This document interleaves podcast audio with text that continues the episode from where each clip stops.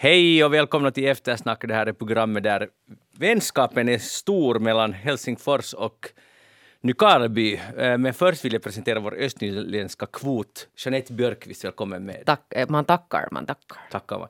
Talar du alltså östnyländska fortfarande? Det där fortfarande. Ja, eller har du någonsin talat? Mm, nu är det så att jag kanske aldrig har talat riktigt sån här riktig dialekt. Aha. Men min mormor, alltså mummo, talade ja. riktig dialekt. Så jag försökte alltid med henne. Men, men jag blev alltså uppfostrad till, till sån här att man ska tala korrekt svenska. alltså sån här riktig. Ja, men det var vet du, på den tiden när man inte förstod värde av dialekter. Nej.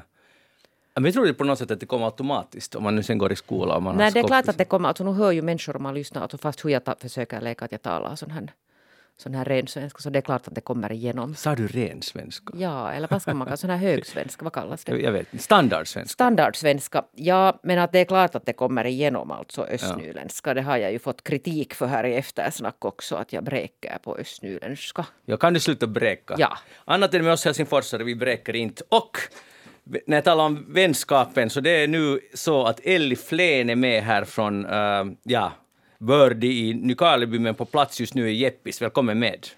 Tack. Och på mig hörs jag garanterat inte att jag är från Österbotten. Nej, det märks inte. Du bräker inte överhuvudtaget.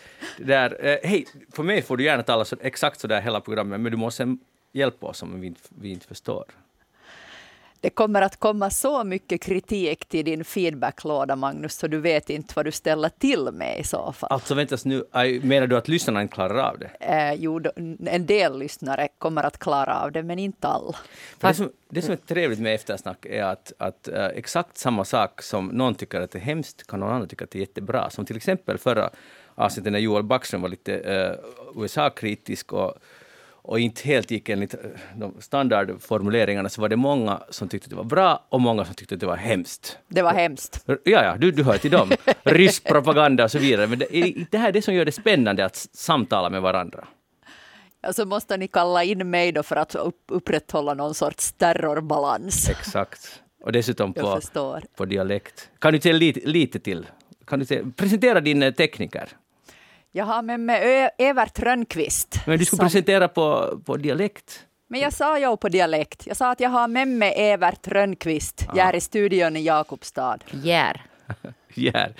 Bra, jag heter Magnus Lundén. Eh, jag ska försöka att inte äh, tala... Jag talar ju annars, det måste jag göra. Ganska. Jo, nu gör du det. Ja. Jag är stolt över den dialekten. Och tekniker idag är Risto Salonpää här, här i Helsingfors. Helsingfors. Så vi har nog eh, toppteamet på plats. Vi, eh, vi börjar med det viktigaste först, Elli. Hur är det med halkan där i Österbotten? I, vi tar din hemstad Nykarleby. Alltså, strittar man omkring? Faller man mycket? Halkar man? Eh, alltså nu har jag inte varit och strittat omkring så mycket i Nykarleby centrum, men på, på vägen, alltså sträckan Monäs-Jeppis, eh, så var det vissa partier som nog var lite besvärliga och det värsta är ju när det blir såna här spår som man sen halkar i och, och, så här. Men jag tror ni har det värre där i de södra regionerna, för här, här är vi nu ändå stadigt på minussidan vad mm. temperaturen, mm. vad som kommer till temperaturen. Och då, så jag tror ni har det värre.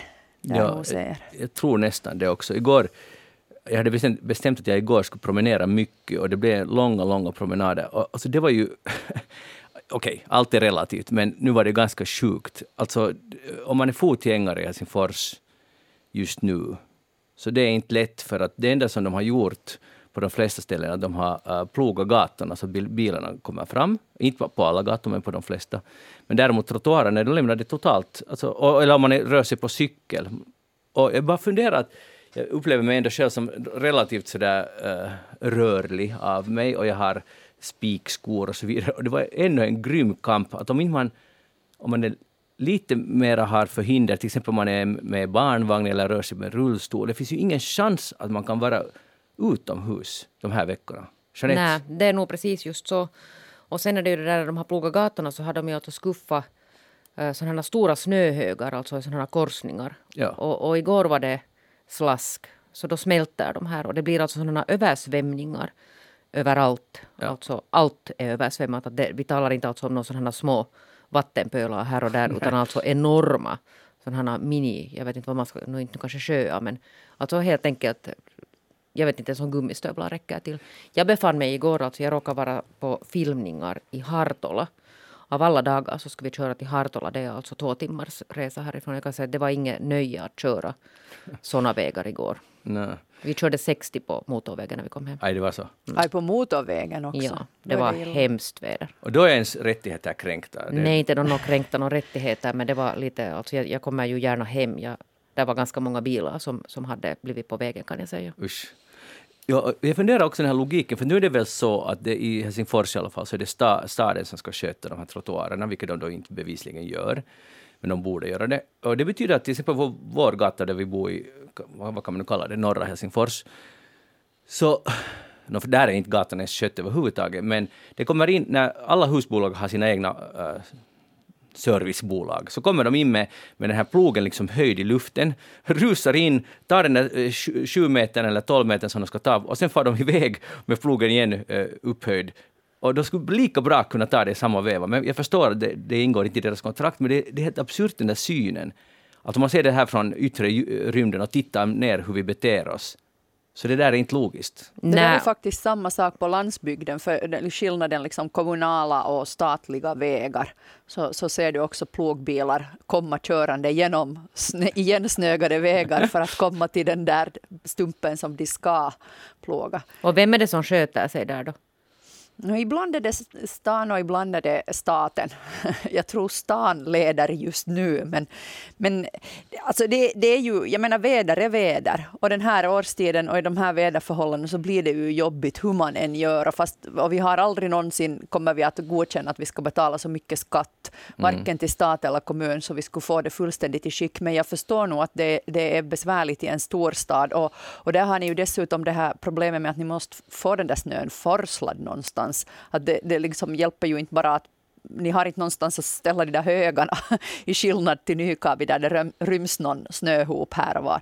I Nykabi är vi förresten ganska kända för att äh, åka mycket sparkstötting. Oh, det där är härligt. Det kräver osandade vägar. Ja. ja, och så har vi den diskussionen då, att man borde lämna någon fil osandad för, men, för att sparkstöttingarna... Men, men har ni löst det i Nykarleby? Är där en fil?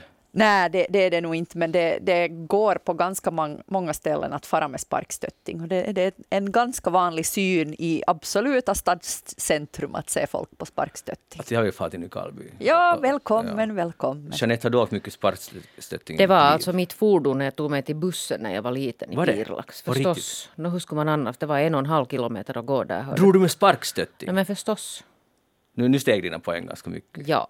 Men det eh. fanns inte riktigt något annat. Det var gå eller sparkstötting. Så det var ju klart att det var sparkstötting då. No, någon annan skulle kanske ha gått. Nej inte. men det tog ju längre tid för det var ju alltid bråttom. En och en halv kilometer vet du, tidig morgon. Hade du bråttom redan då? Ja. Aha. Så, så det, det, är ett mönster. det är ju ganska snabbt att fara fram med sparkstötting. Man kommer jättesnabbt ja. och det är roligt. Okej, okay, sista sparkstöttingsfrågan. Eh, Eli, har du åkt mycket det här, själv det här året?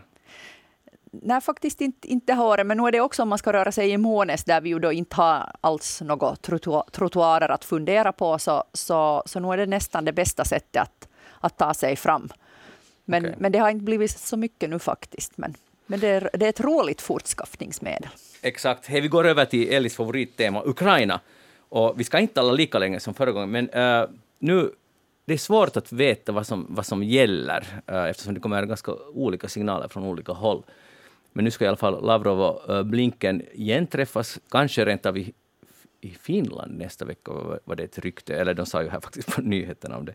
det där, uh, Elli, hur ser du på den här konflikten? Eller det är ju inte ännu en militär konflikt, men det är ju en konflikt är det i alla fall.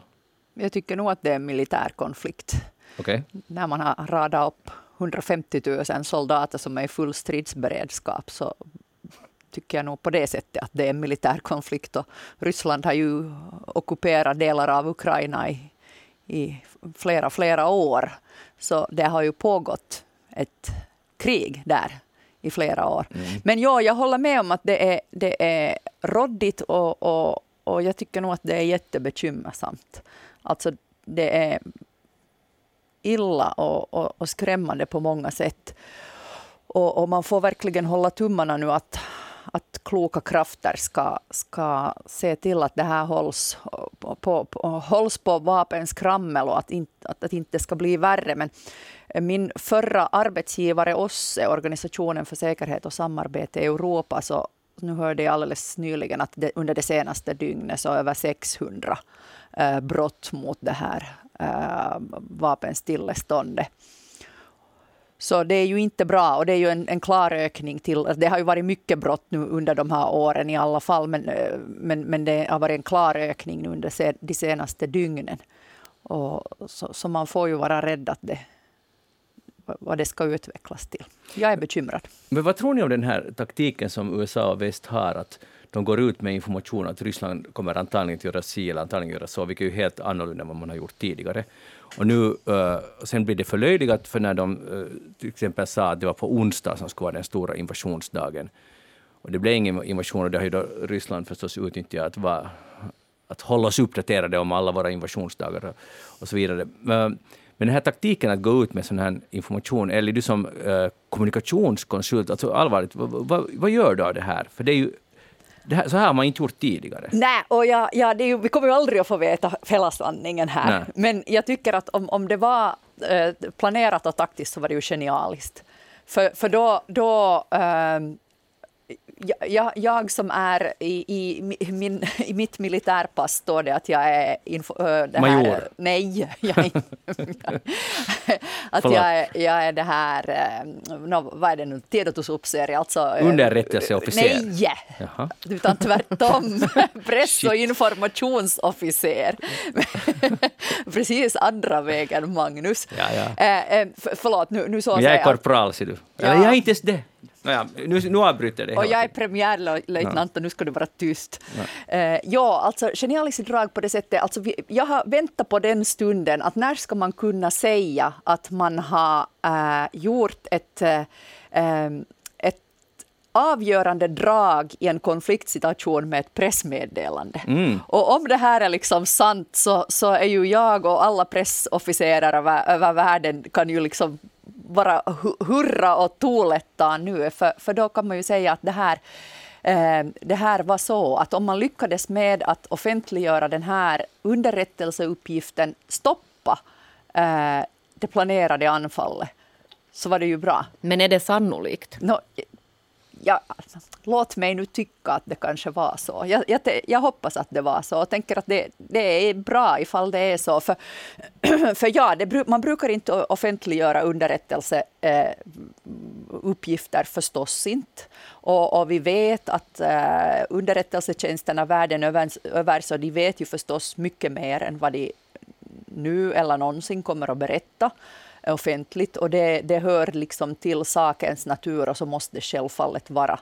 Men, eh, men genom att gå ut med den här informationen så tog de ju bort det här överraskningsmomentet. Och de, de sabba, sabba överraskningsmomentet för, för Ryssland och, och gjorde att de inte kunde Eh, om, om de nu hade planerat ett sånt här äh, av typen Mainila-skotten så gick det ju inte att verkställa det. Och sen det är ju självklart att Ryssland reagerar just precis så som de gör nu, att de måste förlöjliga det. Och, och jag menar, vilken annan väg huvudet har de inte? Kan de ju liksom erkänna att aj, sorry, vitsi, vitsi ni var svarta och, och, och fick reda på våra planer. Men Elin, finns det inte risk också att eh, eftersom allt är en, det är en spel med taktik och med ord och med mycket, många andra saker också. Att är det också möjligt att, att, um, att alla ljuger, så att säga? Att, att man också säger så här, talar om onsdagen, vad det nu var för datum, 16 eller februari, att det är också ett spel att man inte ens har sådana uppgifter, att det fanns en sån plan. Att det finns en, det är så här fyra, sjudimensionellt alltsammans. För det är jättesvårt nog för oss att veta. Alltså det, det är en trevlig tolkning det som du säger, att, att om man lyckas avfärda, i alla fall uppskjuta eh, en konflikt, så det, vad är bättre än det? Men jag bara undrar... No, skillnaden här är nu det att äh, när äh, ett, en västerländsk demokrati går ut med en sån här uppgift och ändå med, i, liksom, fr från militära källor så, så är ju vi förväntar ju oss att våra myndigheter ska tala sant, eller hur?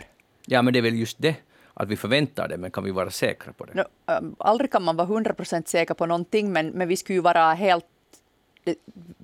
jag skulle vara superupprörd om, om fin, finska armén skulle gå ut med någon sån där uppgift i, i bluff, bluffmening. Sen är det ju självfallet är det så att i en, i en tillspetsad eh, situation och speciellt om det blir något värre så då, då vet vi ju alla att krigets första offer är sanningen. Att då, då, då kan det bli eh, råddigare. Så, men jag vet inte riktigt varför man skulle ha gjort det. För varför skulle man ha hittat på det här?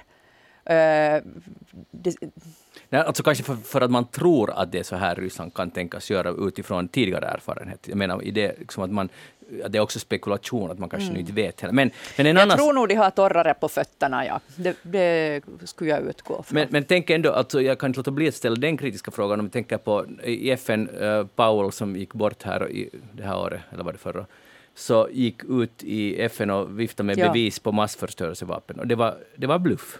Ja. Alltså jag menar, sånt händer också sånt händer också. Och, och där kan man ju sen, om, om man nu försöker lite förkla, förklara det i efterskott, så var ju förstås en del sånt som man trodde på då, att man kan tänka att, att någon agerar i god tro. Men no, vi får aldrig veta det här, men det vi vet är ju att äh,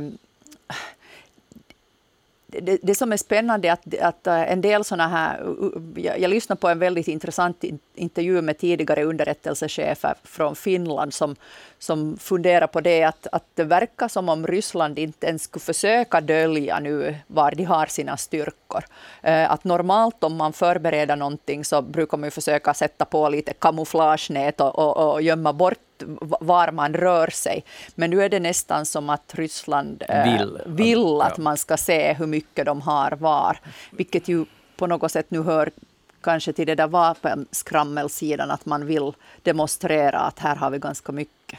Ja, för jag tror att där ligger någonting att, att det är ju omöjligt att veta, man kan alltid hoppas på alla, alla möjliga lösningar på det här, men att e, en förklaring till allt det här kan ju vara att Ryssland vill förstås sprida kaos och, och, och utlänningar sticker från Ukraina, inga investeringar görs, skapa kaos helt enkelt och, och att man inte litar på statsbildningen i Ukraina. Och genom att bara lägga trupperna där och låta dem så att säga tala för sig själva. För det som talar sen emot en, en att faktiskt rulla in pansarvagnar och börja med flygattacker, alltså det, det här landet är dubbelt, nästan dubbelt större än Finland. Det bor uh, över 40 miljoner människor där. Att det, en, det räcker, 150 000 eller 100 000 räcker ju ingenstans om man faktiskt vill ockupera ett land. Och, och priset skulle vara helt jättehögt liksom på många plan, inte bara civila utan också moraliskt. Och sen uh, egna soldater skulle do, dö och det är ändå ett, i princip ett broderfolk.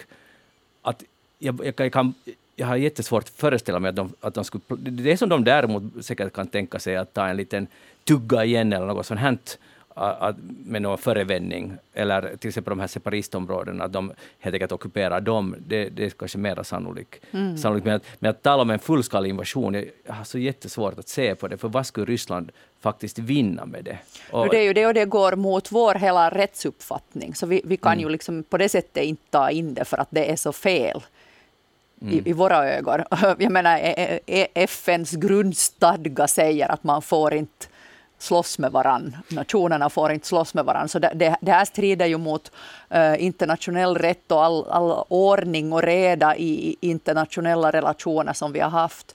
Uh, men, men, samtidigt så är inte det ju bara någon... Uh, att, att ställa upp de här mängderna av soldater och materiel som Ryssland nu har ställt upp på gränserna mot Ukraina, det är inte liksom peanuts. No. Det är jättelika resurser som de sätter på det här. Så man gör nog inte bara för att man ska lite jäklas med, med väst heller eller lite slå sig på bröstet utan, utan det, det, är ju, det är fullskalig stridsberedskap och invasionsberedskap. Men det som eh, Putin har gått ut med också i ett rörande eh, sån här enigt utlåtande tillsammans med Kinas ledare var eh, det här om att det, det ska vara FN som beslutar om alla sådana militära åtgärder i världen. Och, och, och, FN är den auktoriteten och inte USA som världspolis. Så att om de skulle rulla in eh, på riktigt invadera Ukraina så går ju den allra sista trovärdigheten ur den här argumentationen, eller det här ja, som Putin går ut med, försvinner ju. Då finns det ju inte någonting kvar mer av att FN ska lösa saker och man ska förhandla, så, som de säger. Så det där, uh, därför tror jag kanske också att det, kan bli, det blir något klurigare i så fall. Mm. Det är mm. min tippning. Hej, vi går vidare. Uh, lite mindre problem, men ändå en sak som engagerar folk mycket. Eh, det är de höga bensinpriserna, och det ska vara, eller det är demonstrationer i Åbo har det ju varit, nu ska det bli Helsingfors också, säkert på andra håll i Finland. Och då har finansminister Annika Saarikko gått ut med åtgärder för att lite dämpa det här. Eh, det ska bli ett riktat stödsystem för hushåll. Det ska bli det där, ja, stigande energipriser, det alltså handlar om energipriser, ska beaktas i utkomststödet. Och sen var det det här att man ska få det kilometerbaserade resekostnadsavdraget ska höjas från tillfälligt från 25 cent per kilometer till 30 cent. Och sen ska man kunna dra mera uh, i skattedeklarationen för resorna mellan bostaden och arbetsplatsen från 7 000 till 8 400 euro. Allt det här är åtgärder för att, för att försöka både liksom, kompensera för det ökade energipriset och uh, bensin och dieselpriser. Men nu vill jag, tänkte jag diskutera det här med Jeanette. Jeanette som är jätte, berörs ja. hemskt mycket. Alltså. Ja, jag tänkte just fråga dig, att, att har du, hur förhåller du dig till det höga bensinpriset? No, det där, nu är det ju lyckligtvis så att jag inte behöver alltså använda bil. Mm. Så det där, jag märkte ju av det när jag var och tankade bilen här för några dagar sedan att det har ju stigit jättemycket. Det syntes. Jag vet alltså vad det kostar att, att tanka en full tank. Men det är ju sen värre om man är bosatt på ställen där man på riktigt behöver använda den här bilen. Eller alltså syssla med någon näring som är knutet till bensindriven verksamhet på något mm. sätt. Till mm. exempel mm. transporter eller, eller what not. Så, så jag kan förstå att det känns bokstavligen alltså i många människors företagares plånböcker. Eller är det så att du lider när, när du märker att priset går upp? No, jag, jag bor ju på ett ställe då där jag behöver den där bilen för att ta mig någonstans överhuvudtaget. Men, men då det har ju varit den här pandemin.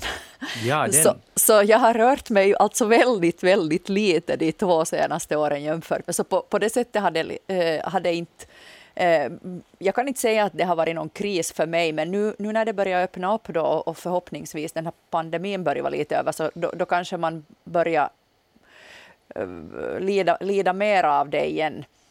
Så, så jag förstår att det är, det är besvärligt och för många så kan det vara väldigt helt avgörande för hur de ska ha råd att ta sig till arbetsplatsen. Och därför kan, man väl, kan jag tycka att, att det här paketet nu verkar vara, vara en, en bra, men att det just är sån här övergående, att, att in, för, för det hjälps ju inte, vi måste bort från de där fossildrivna bilarna på, på sikt. Så vi kan inte heller skapa stödsystem som nu stoppar övergången till, till mer miljövänliga drivmedel heller. Men, men det kommer ju lite för hastigt när det kommer nu i, i, i det här formatet. Jag hörde det där, det var någon forskare som satt i A-studio här, var det nu månne, det var säkert den här veckan och han sa att det där han var ganska mot de här, sådana till exempel att man höjer alltså utkomststöd och sådana ah, ja. sådana alltså åtgärder och sa att, att nu är det ju så att nu borde ju människor ha så mycket besparingar att man klarar sådana som man antar då är en sån här tillfällig Mm. vet ni, en tillfällig ökning.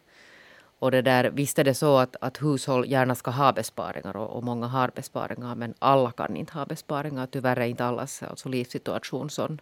Nej, och sen är det ju just att det är många företag, jag menar jordbruksföretagen till exempel nu har, har jättejobbigt annars också och så sett ovanpå det då jättehöga energipriser och bränslepriser så, så kan det ju vara på riktigt det som knäcker, knäcker både enskilda hushåll och, och företag också. Men borde inte staten gå in då för att ännu mer aktivt och också ekonomiskt stödja, när vi talar om eh, stigande energipriser, att, att om vi talar till exempel om värme att, att i ett hus, att, att satsa massivt på jordvärme, ett, ett massivt stödsystem, så att vi inte skulle vara lika beroende av, av de här konjunkturerna.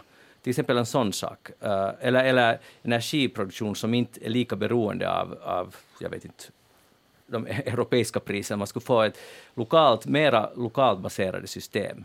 Eh, så, så tänker jag att, att till exempel att alla de här som nu har el på sina sommarstugor, det här är säkert inte det största problemet, men, men som betala sina månadsavgifter, betala transfereringsavgifter, eller vad det heter, överföringsavgifter, som bara rullar på och som stiger hela tiden, fast de kanske inte ens är där. Och det, och det tar ju också på plånboken ganska mycket. Och det finns liksom saker som, som jag tror att staten skulle kunna gynna, till exempel alla höghus i Helsingfors.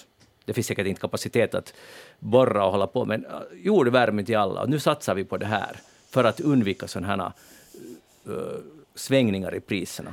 No, det där är den långsiktiga lösningen men det löser ju inte nu just situationen. Nej. Nej. Och är det inte någonting med det, den där jordvärmen i städer också att det går inte att ha i precis varenda hus? Nej, säkert inte går det inte. Men, men, men ja, så där är det ju. Och, och, det här låter ju lite krast men på något sätt så vi befinner ju oss i en stor nu förändring när det gäller en, energi, både förbrukning och konsumtion. och, och, och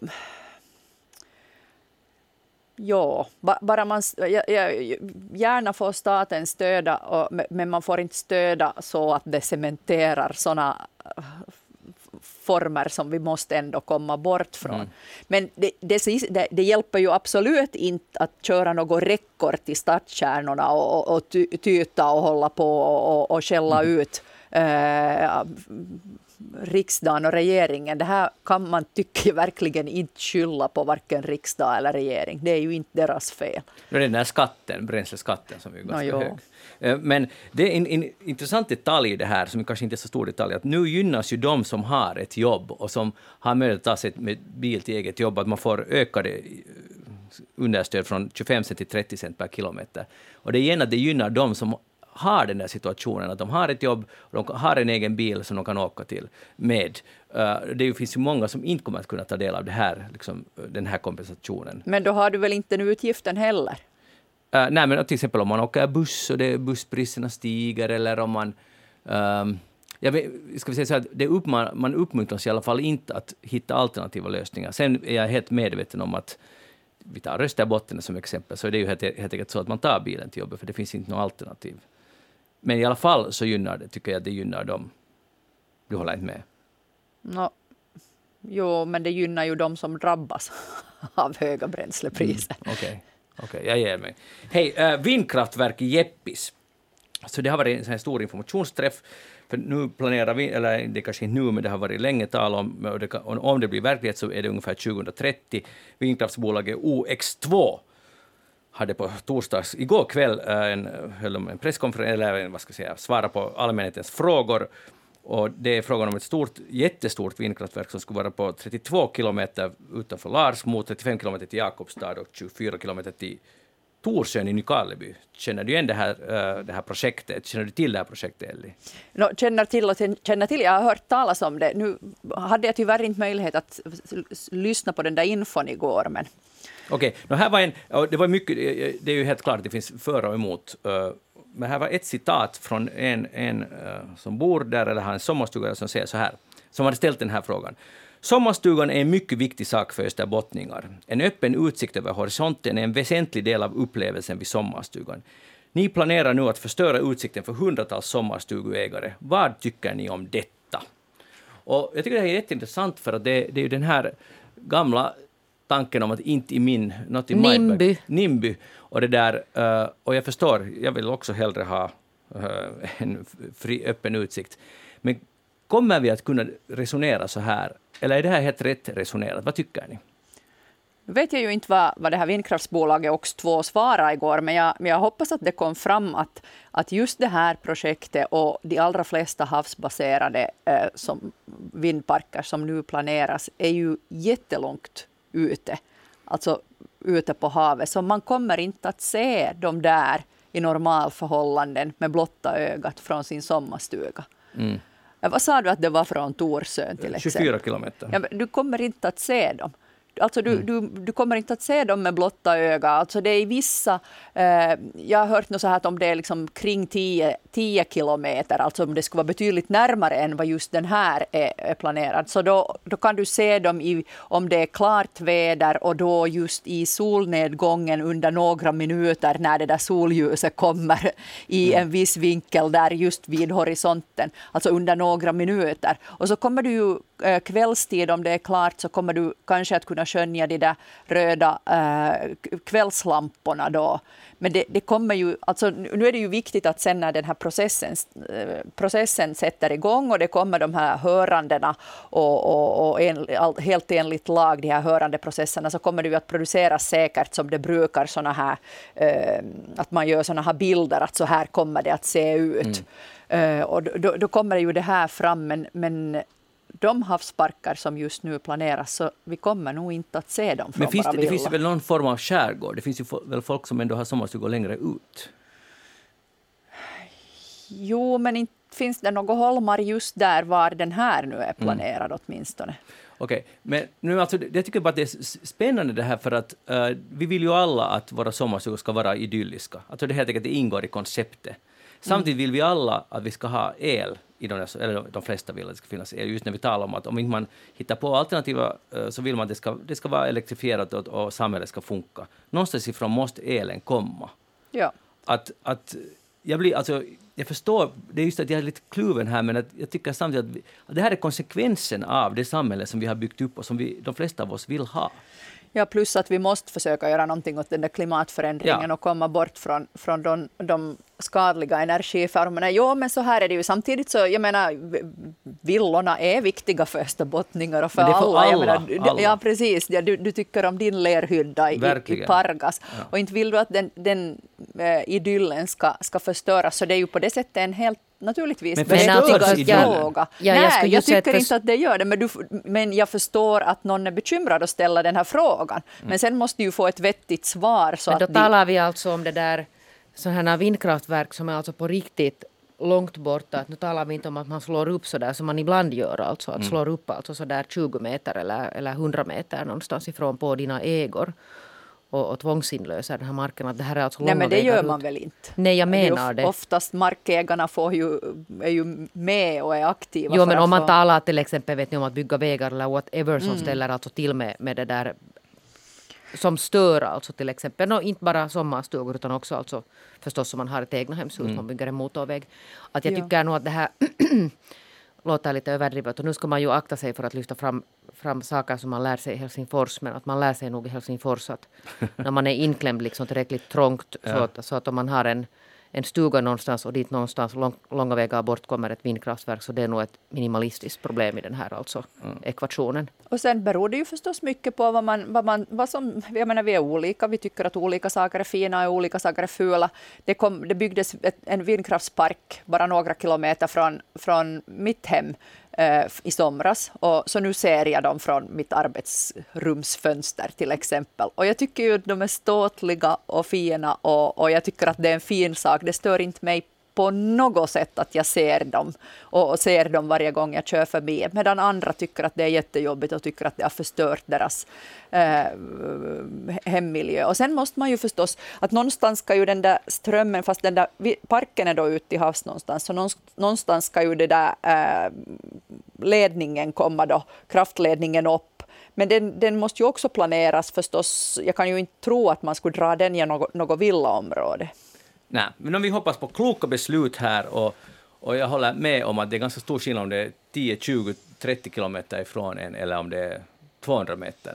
Så att, och, och, och just det där som du Eli sa, att det är också hur man betraktar det. Det är ganska mycket ens egen tolkning. Att när jag tar tåg över till Danmark och jag ser den här vindkraftsparken, jag blir bara lycklig och jag, jag, kan hålla med om det är lite naivt, men jag tänker där är framtiden, det där är rent, det är så där man ska göra det. Så tänker jag. Jag ser det alltså som positivt. Jag bor visserligen inte där, jag har inte min stuga precis bredvid, men fast det skulle vara fem kilometer så skulle jag tänka det varje dag, att snyggt, så, där, så här fixar vi det. Men det finns olika sidor. Jeanette Björkis, vad har du tänkt på den här veckan? No, hörde, jag har tänkt på det där en forskning som jag tror att publiceras nu just medan vi sitter här. jag kom alltså precis därifrån den här, det här tillfället för att jag har dragit en paneldiskussion. Alltså man har gjort en sån här ganska omfattande forskning. Forskare vid CERN, heter det här institutet vid Svenska social och kommunalhögskolan.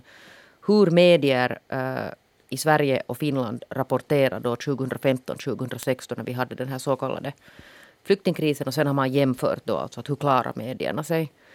Och det där, så där kort så var det så att, att i Sverige eh, var man mycket bättre på att lyfta fram sådana humanitära aspekter. I Finland, i finska medier, så tappar man alltså i stort sett genast den här humanitära aspekten och så blev det en sån här gräns, gränsfråga. Alltså det, det handlar liksom, mm. man talar om flyktingkrisen och flyktingkrisen handlar om det att hur ska vi bevaka gränserna så att man inte kommer hit. Och den på något sätt tycker jag att det narrativet har fortsatt också. Och sen någonstans där mittemellan så trampar de här finlandssvenska medierna. Man hade bland annat alltså analyserat Hufvudstadsbladets artiklar och här var andra, alltså var Helsingin Sanomat och Dagens Nyheter. Alltså många hundra artiklar har analyserats. och det var nog en, att jag tycker att det är en viktig och mycket intressant forskning som, som vi nog behöver liksom tänka på en var, inte bara journalister, att hur man egentligen rapporterar om sådana här migrationsfrågor. Eh, för att det sträcker sig förstås alltså längre än 2015-2016. Då när det verkar som att stora delen av Finland vaknar upp till att det finns något sånt som det där migrationsrörelser. Mm. Som någon annan som har följt med det här längre vet att det här har ju pågått alltid. Men det där, men det där jag tycker liksom att, att och jag tycker att, eller jag tror att den här forskningen var ganska på samma spår, att, att journalisterna fastnar lite i fel spår. Men vem avgör vad som är, vilket spår som är rätt och fel? Nej men förstår du det här att om, om, om en liksom sån här migrationskris bara är en gränskris. Mm.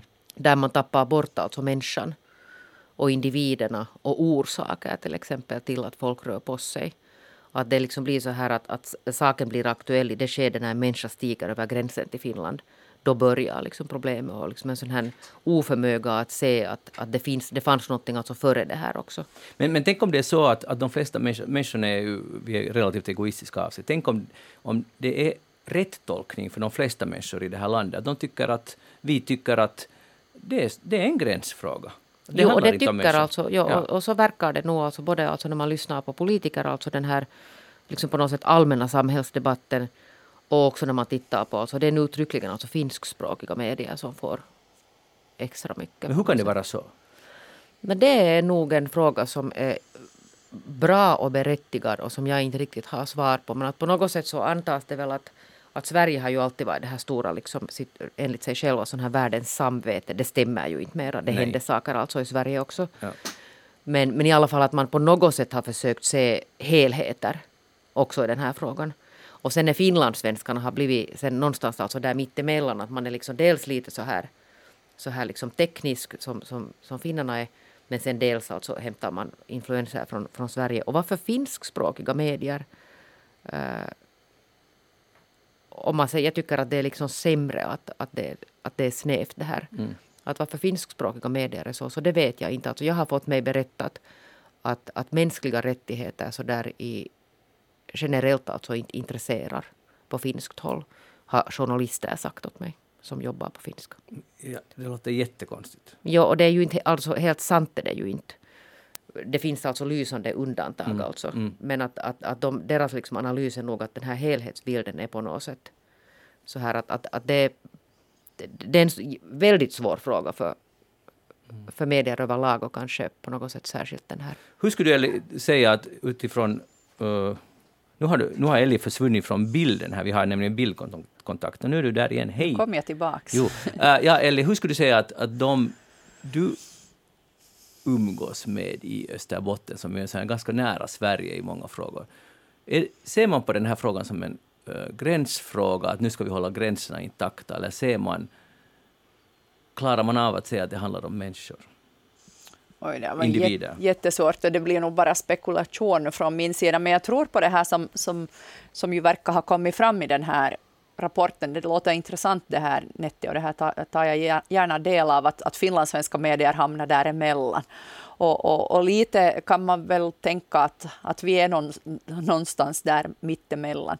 Eh, jag skulle säga att det finns båda typer i, i, i Österbotten också sådana mm. som, som funderar mer på att, att är det här en säkerhetsrisk och, och, och hur ska vi hantera det här? Och, och, och sen sådana som, som ja, lägger fokus på att vi behöver hjälpa de människor som är i nöd.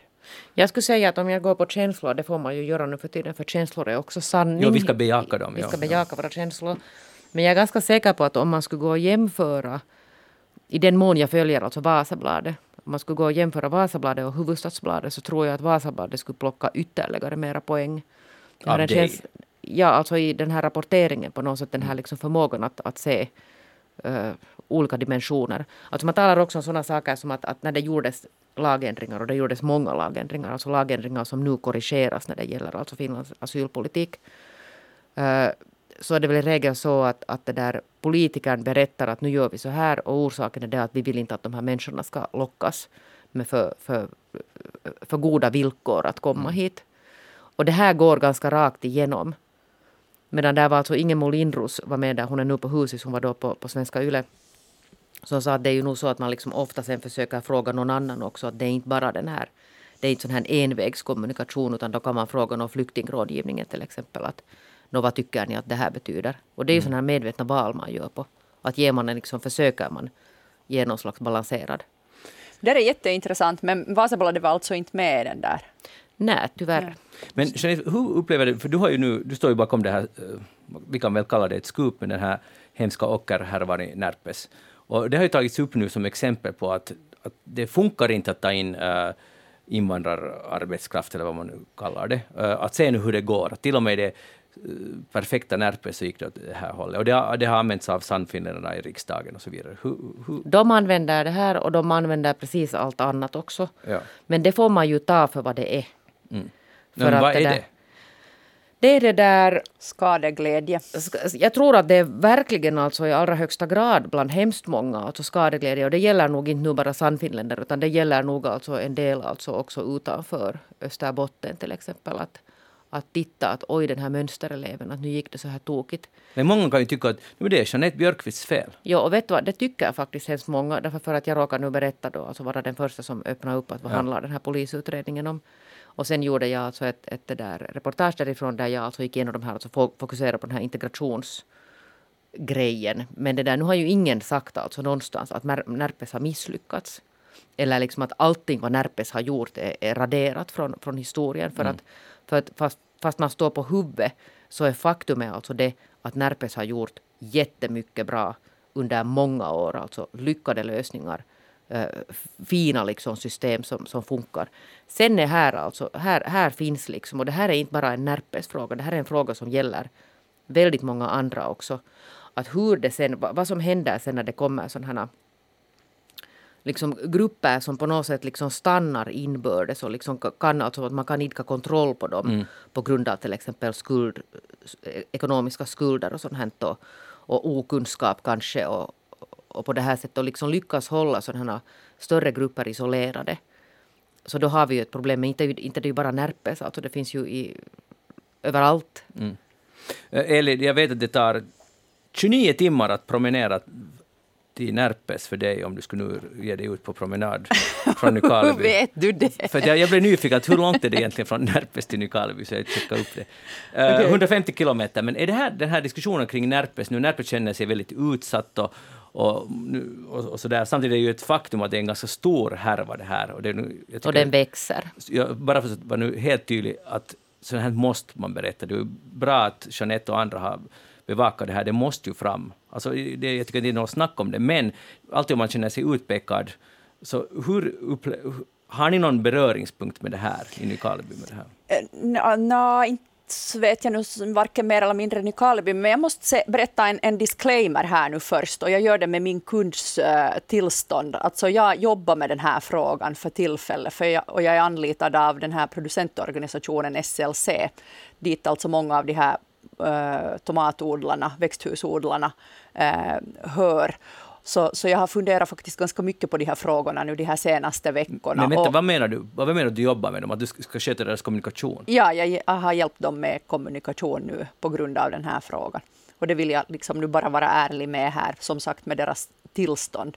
Eh, annars brukar jag ju inte alltid berätta vem jag är kund med, men eftersom det ante mig att det kanske skulle kunna mm. komma upp i eftersnack. Och jag måste nog säga att på, på, liksom där på den här växthusföretagarnas sida så har nu inte jag snappat upp något kritik mot, mot Nette eller... Eh, eller eh, ska vi kalla det för offentlighet? Ja, det, alltså, det är klart att man har varit ledsen just över det här faktum att alla har blivit dragna över en kam, men, men, eh, men samtidigt så det, det översta är ju nog att man är jätteförbannad och ledsen över det som har hänt. Ja. Och är, är eller motiverade att det här måste vi ju nu åtgärda en gång för alla. För, för de allra flesta av de här äh, växthusodlarna, alltså många har ju utländsk arbetskraft. Och för de flesta så, så är det ju förstås en hederssak att deras personal ska, ska må bra.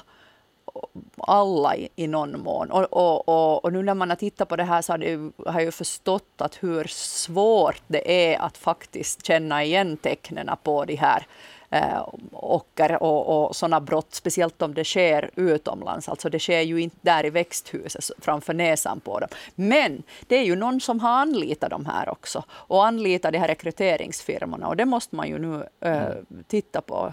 Men skulle det vara ett bra tips, vilket du, du har säkert redan klok som du är, sagt till din uppdragsgivare, att skulle det vara skäl nu att i den där kommunikationen just säga att jättebra att det här kom fram, vi beklagar, uh, det här måste utredas, och inte ta på sig någon offer. Fast det måste jag nog säga att det, det, upplever jag nog inte att man har gjort okay. alltså på, på den här producentsidan. Nej, jag säger inte där, men det var, jag läste just här i skolväsendet var ju jätte... Att vi, vi har faktiskt gjort mycket rätt också. Det har de helt säkert gjort. Men att man känner sig träffad nu när det... Och jag förstår det. Jo, men, men det är alltså det är sen inte alltså producenterna utan nej, det är sen kommunen. Det är kommunen, sant.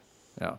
Men okej, okay, är det här, i, i, får du säga vad, vad ditt råd är till de här när du styr upp deras kommunikation? No, I kriskommunikation i största allmänhet så är det ju inte egentligen fokus på kommunikation utan det är ju att åtgärda problemet. Att hitta va, varför har det gått så här och vad ska vi göra för att vi ska få ordning på det här. Och det, mm. det tycker jag ju att de verkligen har nu äh, jobbat hårt med. Har satt in, äh, alltså de planerar sådana här utbildningar för, för producenterna, inte alltså bara växthusodlarna utan hela landsbygdsnäringens producenter. Förra veckan så hade de eh, skramlat ihop alla organisationerna som har med det här eh, trädgårdsbranschen att göra och, och, och, starta en arbetsgrupp som ska börja alltså hitta de där konkreta åtgärderna. Och då, då ska vi ju komma ihåg att de har ju redan gjort på riktigt mycket, för de är under lupp eftersom de har utländsk arbetskraft. Så de blir ju granskade eh, ganska ofta och ändå har det här hänt någonstans. Så någonstans har det ju ändå liksom fallerat. Mm. Och, och, det, vill, det vill de nu titta på. Bra. Vi, vi, lycka till med att utreda det där och så hoppas vi att hela den här växthusnäringen, vilken är nog garanterat kommer att överleva för, för vi vill det finns ju ganska stor efterfrågan på de här produkterna, så nu måste man bara se till att det funkar för alla som också jobbar där. Det ju... Ja, sen alltså förstå det att det där, när människor kommer alltså för att jobba, vi vill ha hemskt mycket arbetskraftsinvandring mm. och vi behöver alltså mera, inte bara inom växthusnäringen utan allt annat också. Så det där, där måste komma, alltså vi måste få igång, alltså det här gäller hela Finland, alltså ett system som ser till att de här människorna på något sätt, liksom, redan när man kommer så får man information. Mm. Och så får man ännu mer information om hur det här landet på sitt funkar. eget språk. Ja. Att man förstår sina rättigheter. För det kan inte vara så att om man kommer som, en, som, en, som arbetskraft hit att den enda liksom, kontakten du har där du får uh, information är dagisväsende. Att det är ungefär det enda stället där du får. Ja. Att då, då, då är här någonting i hela alltså Finlands system som inte funkar och det måste alltså åtgärdas. Bra slutkläm, tack för det. Elli Flen, vad har du tänkt på den här veckan? No, jag har tänkt på lite skidåkning. Nå bra, jättebra. Eller hurdan förresten? Ja, no, men alltså, inte har du väl missat att det pågår ett OS? No. Och även om det pågår i ett land som jag tycker att man inte borde ha OS i, så, så, så har jag ju inte kunnat låta bli att, att titta lite. Och nu ska jag, jag ska inte på något sätt låta påskina att jag skulle vara någon expert på skidåkning eller att jag skulle förstå, ens som, som åskådare skulle vara särskilt. Men, men det, har, det har ju varit ganska häftigt de gångna veckorna, mm. tycker ju jag. Och, och, och, att, att titta på, på de finska herrarna, uh, Ivo Niskanen i spetsen, få, få det där silvret, så nu var det ju lite häftigt. Och jag som alltid annars brukar äh, bladdra förbi äh, sportsidorna i alla tidningar jag läser så hittade en alldeles fantastisk artikel i dagens Helsingin Sanomat där man pratar om äh, förändringen i skidstil. Och jag har ju suttit och funderat på det här i min äh, enkelhet och utan att ha liksom egentligen tillgång till något fakta. Att, att förr i världen så parstakades det inte så mycket som, som det gör nu. Och, och har ni eh, äh, skidor ni alls? Absolut. Alltså du menar att om, om vi själva? Ja, all, Nette kanske inte skidas så mycket. Men det kan man ju inte säga, nej. nej.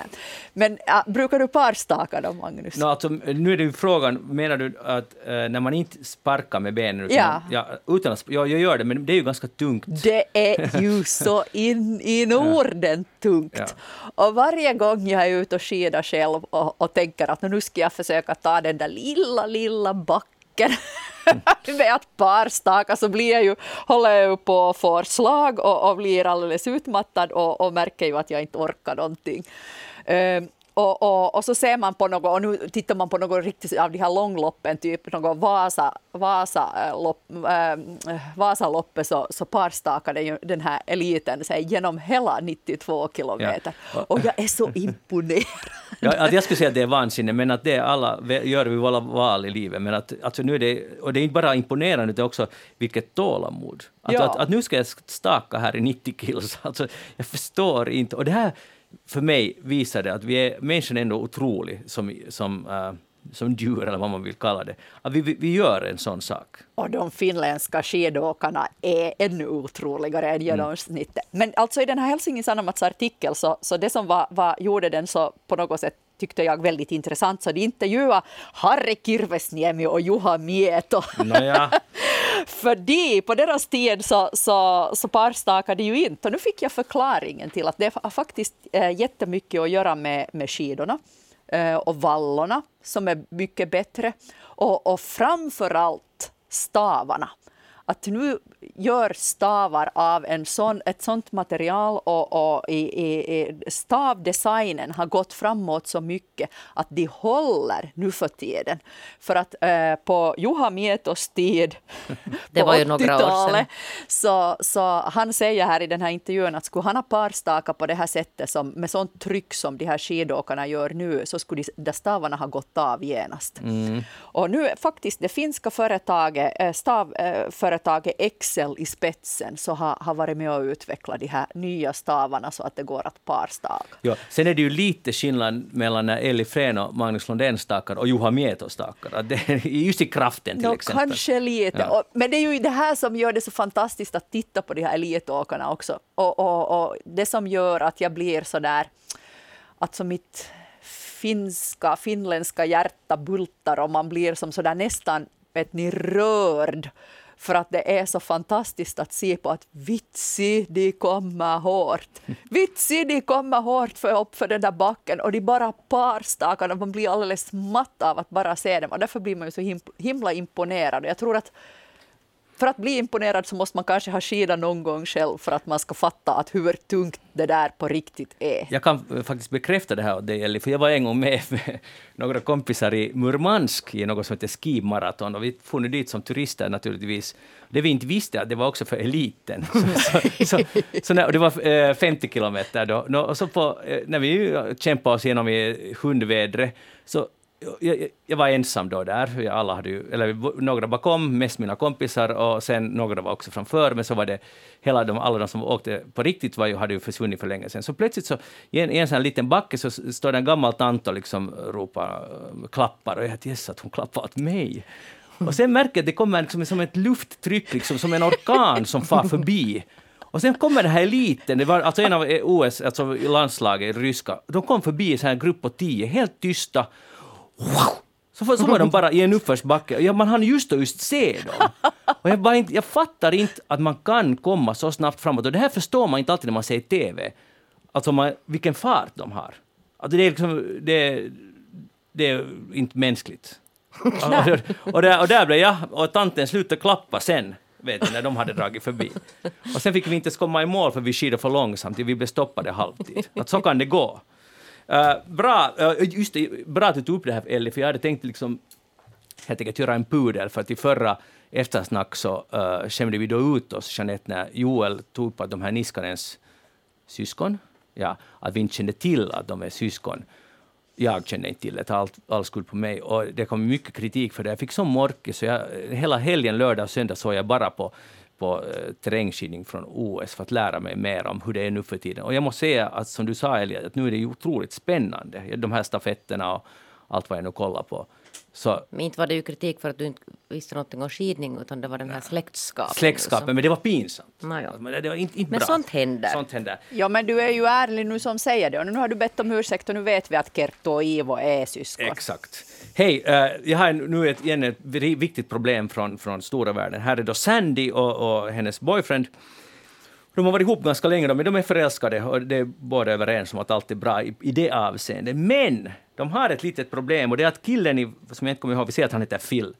Uh, Phil tycker om motorcyklar hemskt mycket. Och, det där, och när de flyttade ihop så hade han tre motorcyklar inomhus. För de mår bättre där, de, liksom håller, de ska inte vara ute i fukt och sådär. Och, och, och sen när de flyttade ihop till ett gemensamt hus så konstigt nog kom också motorcyklarna med och de skulle vara i garaget var det först överenskommet, men sen småningom så började de att flytta in i lägenheten eller i själva huset. Och eh, efter lite division så blev det så att ena, eh, som är en vintage motorcykel, står nu i deras tambur, alltid. Och det, där, och det här driver då Sandy till vansinne eh, och hon tycker att det är jättefräckt. Och han kontrar med att Sandy faktiskt samlar på sådana här brevpressar som finns överallt i deras hem. Vet ni, så här dekorativa glas som väger mycket. Och han tycker att no, motorcykeln ska bort, så då måste också brevpressarna bort. Så nu är frågan till er, panelen, det här är alltså allt upplockat från Guardian som har så relationsproblem som läsarna ska lösa tillsammans.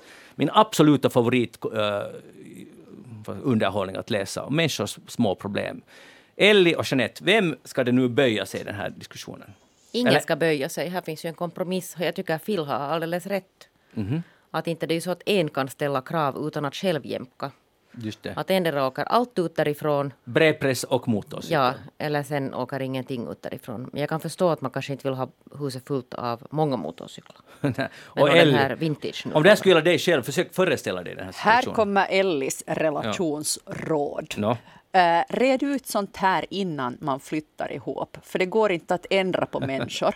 Så när Bra. du träffar en intressant kar och hälsar på hos honom, om då där står motorcyklar i lägenheten, så om du inte kan leva med det och tänka att du resten av ditt liv har motorcyklar i ditt hem, så hitta en annan kar. Bra. Det är elementärt, men det här är ju inte nu en sån här för Sandy och Phil en lösning. Jo, nej, det är för sent nu. Det gick för hårt mm. där. Så, och jag, jag, var lite orolig för att ni skulle säga att nu måste Phil skärpa sig. För, jag, jag, för det är ju lite groteskt. Och, och jag, skulle, jag skulle göra som Ellie, att checka lite in det här före jag flyttar ihop. Men jag är lite, lite misstänksam mot de där brevpressarna. Inte det är helt normalt heller att ha liksom tiotals brevpressar i sitt hem. Det är också något man borde fundera på. Ja, och sen är det ju att det här ser man inte innan det är för sent, för i Munsar säger vi att kärleken har päronskalin för ögonen. Bra, och vi tar en översättning på vår Facebook-sida, facebook.com eftersnack. Vi tackar eh, Elli Flen för att du var med idag. Det var härligt att få en koppling till dig och till Nykarleby. Jeanette Björkqvist, tack för att du var med här idag. Jag heter Magnus Lundén. Ni får gärna e-posta oss på eftersnack eller gå in på facebook.com eftersnack. Ha det bra, hej då!